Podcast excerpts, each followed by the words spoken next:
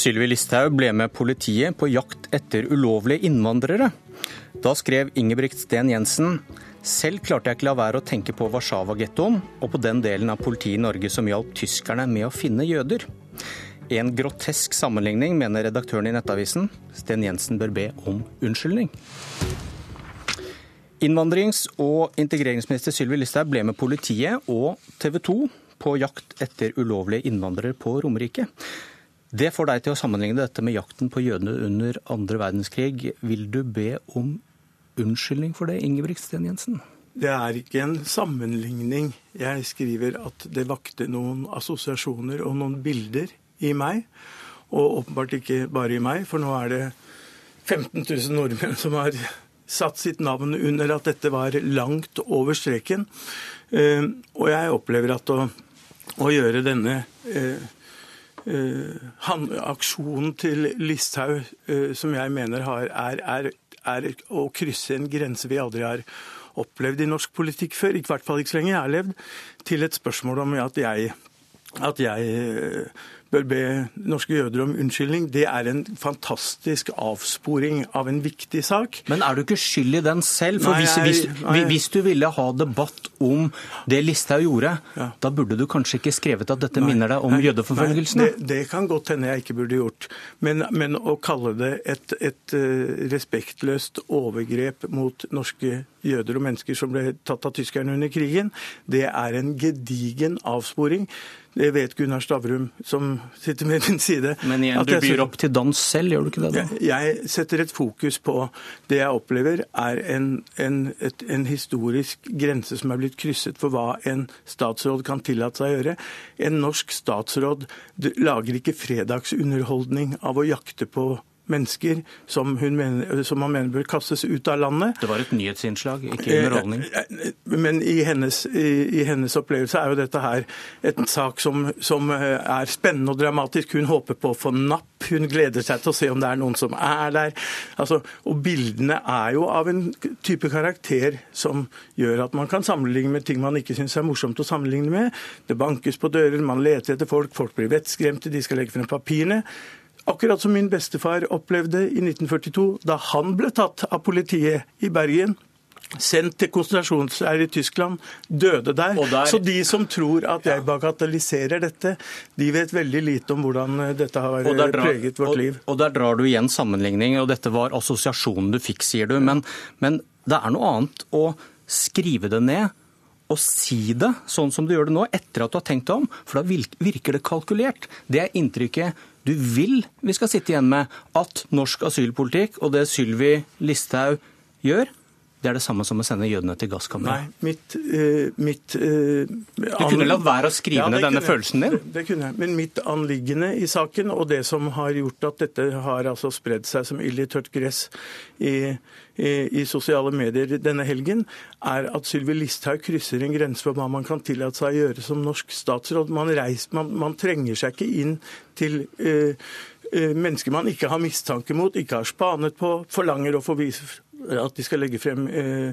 eh, identitetspapirer, går inn til folk som har feil hudfarge. Det er altså et så grotesk eh, initiativ fra en norsk statsråd at det det er det som er sjokkerende i denne saken. Du forteller om stor støtte her etter at du skrev dette, men hva hvis det du skrev også øker oppslutningen om Sylvi Listhaug? Ja, det kan man jo selvfølgelig aldri vite. Det er vel for, Hva tror du? Jeg tror ikke det. Jeg tror at Sylvi Listhaug faktisk for første gang, eh, kanskje, eh, sitter med en følelse av at nå har jeg, nå har jeg nå, det, der, det, jeg gjorde der, det var dumt. Det skulle jeg virkelig ønske at jeg ikke gjorde. Hun har jo ingenting i en politibil å gjøre heller for øvrig. Hun er ikke justisminister, hun er innvandringsminister. Hun har ingenting med å arrestere folk eller finne folk folk som skal kastes ut av Norge. Det er jo også et journalistisk poeng som kanskje noen burde gripe tak i. Faktisk. Vi får ta det etterpå. Gunnar Stavrum, sjefredaktør i Nettavisen. Du fikk ikke noe unnskyldning som du ba om. Godtar du den? Jeg kan ikke godta en innskyldning som ikke kommer, men jeg opplever at Ingebrigt Sten Jensen fossrår i forhold til hva han skrev. Det han skriver, det er at han sitter og ser et nyhetsinnslag på TV 2 eh, som handler om å eh, kaste ut folk som oppholder seg ulovlig i Norge. Det sammenligner han med Warszawa-gettoen og politiets medvirkning til å, kaste, til å hente jøder og sende dem til konsentrasjonsleirer under andre verdenskrig. Jeg syns sammenligningen er helt grotesk og horribel. fordi at han, han er respektløs overfor de seks millioner jødene som ble drept i det, det folkemordet nazistene sto bak under andre verdenskrig. Å sammenligne det med norsk innvandringspolitikk syns jeg er helt hårreisende. Og Det som jeg ikke liker spesielt med det, det er at han på denne måten reduserer en viktig debatt om et vanskelig tema til en politisk slagordsdebatt, en reklameprega politisk slagordsdebatt som jeg syns er helt håpløs. Ja, Da gjentar jeg altså at jeg sammenligner ikke. Jeg, jeg, ser noen bilder som vekker noen assosiasjoner til ting som ikke er hyggelig. At jeg skulle sitte og være respektløs mot mennesker som er blitt tatt av nazisten og drept, er det samme som å si at jeg skulle sitte og være respektløs, respektløs mot min bestefar, som jeg er oppkalt etter, og som ble tatt og ble sendt og aldri kom tilbake. Det faller totalt på sin egen urimelighet. Og dette er et bevisst ønske fra Nettavisen om å avspore en viktig politisk debatt. Nettavisen er forumet over alle forum for folk som er eh, innvandringskritiske og, og, og hadde nær sagt verre enn det. Nå må du slutte å avspore. Nå, nei, nå avsporer du for sjette gang. Nei, jeg avsporer ikke. Jeg sier at dette Du er ikke også en psykolog. Det er klart at når du skriver ting på Facebook som er sitat dette lot, Du måtte tenke på Warszawa-gettoen og den delen av politiet i Norge som gjaldt tyskerne å finne jøder. Bank, bank midt på natta, vis oss papirene. Til en leir langt borte der det er natt og tåke. Det er jo ikke mulig å tolke det på noe annet vis enn at du sammenligner det som Sylvi Listhaug var med på, med eh, jødeutryddelsen under andre verdenskrig. Jeg syns du skal være ærlig nok til å si at her gikk det litt av sporet, og du beklager den delen av det du mener. Du ser jo hvilken debatt du får, Sten Jensen. Ja, men altså, debatten der jeg beveger meg, handler overhodet ikke om dette. 15 000 mennesker har skrevet under på at dette er noe som, som at Sylvi Listhaug her har krysset en grense som er helt uakseptabel.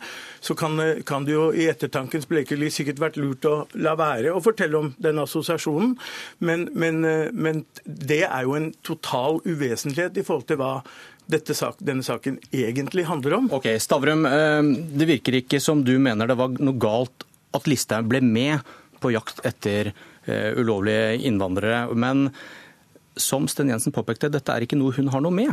Det er justisministerens ansvarsområde. Og avslører dette at det er noe annet enn en statsråd på jobb, som du argumenterer for? Altså, jeg er jo ikke Silje Listhaugs rådgiver heller ikke hennes talsperson. Mitt, mitt, Men hva forteller det deg? Mitt hovedliggende i denne saken her var å reagere på en ordbruk jeg syns var horribel. Eh, så syns jeg at det som er synd, det er, de, det er at de to sakene, de to store diskusjonene i forrige uke har tatt fokus fullstendig bort fra saken, nemlig norsk asylpolitikk og norsk innvandringspolitikk. Det har blitt en debatt om hva Sylvi Listhaug eh, liker på Facebook. Men hva bidrar hun til når hun drar ut på en jobb som ikke er hennes? Hun bidrar til nøyaktig det samme som Ingebrigt Sten Jensen bidrar til, nemlig en total polarisering av debatten eh, som tilslører de reelle standpunktene. For fakta er at den rød-grønne regjeringa også drev med tvangsutsendelse av folk som oppholdt seg ulovlig i Norge. De er, de, norsk innvandrings- og asylpolitikk er ikke nevneverdig forandra fra den forrige regjeringen til den nåværende regjering. Det er realitetene, og de blir borte i debatten. Og, og du, Sten Jensen, du, du, du velger å ikke angripe politikken som Sylvi Listhaug og, stor, og, et mm. stortingsflertall, et, mm. nesten 90 av Stortinget vel, står bak. Ja. Men Nei, hva, har, hva, hun sier og hva hun gjør. Jeg har i, i et år jeg nå eh, sagt akkurat det. At eh, retorikk er, kan være like viktig som politikk. Altså At måten Sylvi Listhaug leder dette departementet på, hennes bevisste, provokative stil, hennes ordbruk, hennes smil, hennes gullstoler, ankerbarn og og, og hennes eh, eh, inntog i en politibil for å se om hun kan finne noen innvandrere som kan kaste ut, det er med på å skape et konfliktnivå som er blitt helt ekstremt. Men ærlig, har, ærlig talt, det du skriver, må du da innrømme bidrar til det samme? Hun har sådd, hun har sådd splid i det norske folk. Nå er det altså en avgrunn mellom Men bidrar ikke du til det samme? Ja, det kan godt hende, men jeg er ikke statsråd i en norsk regjering. Jeg er et, en, et en person som har meninger. En statsråd i en norsk regjering er noe helt annet. Hun kan ikke ha som mål å skape splid, og det, det ser det faktisk ut som hun har. Kan jeg klare å provosere noen i dag? Det virker som det er et av hennes sentrale anliggender. Det er, det er, et gammelt triks som sikkert Sten Jensen kan fra reklamebransjen. Det er at når forskjellene er små, så gjelder det å overdrive det. Og akkurat nå så handler norsk innvandrings- og asylpolitikk om å overdrive forskjellene mellom den rød-grønne siden og regjeringens side. For i bunn og grunn er de nokså enige om de to pilarene, nemlig at Norge skal ha en asylpolitikk hvor vi gir folk opphold og asyl hvis de er forfulgt. Og hvis de ikke har krav på opphold, skal de tvangsutsendes eller reise frivillige. Det er hele Stortinget enig om Det er jeg 100% enig i at det, eh, Sylvi Listhaug fører egentlig Arbeiderpartiets innvandringspolitikk, hun. Eh, og, men da blir vel du kanskje en nyttig idiot når nei, du kaller henne nazist? Jeg har, jeg har overhodet ikke jeg, har kalt, jeg sier at hun har tråkket over en grense som ingen norsk statsråd noensinne har gjort. Jeg syns det er rart at eh, Gunnar Stavrum ikke interesserer seg for det, men interesserer seg for mitt følelsesliv. Her er det helt andre ting som, som, som er truende for nasjonen, og hennes evne til å eller vilje til å skape splid, er helt okay. utrolig uheldig. Takk for argumentene og følelsene.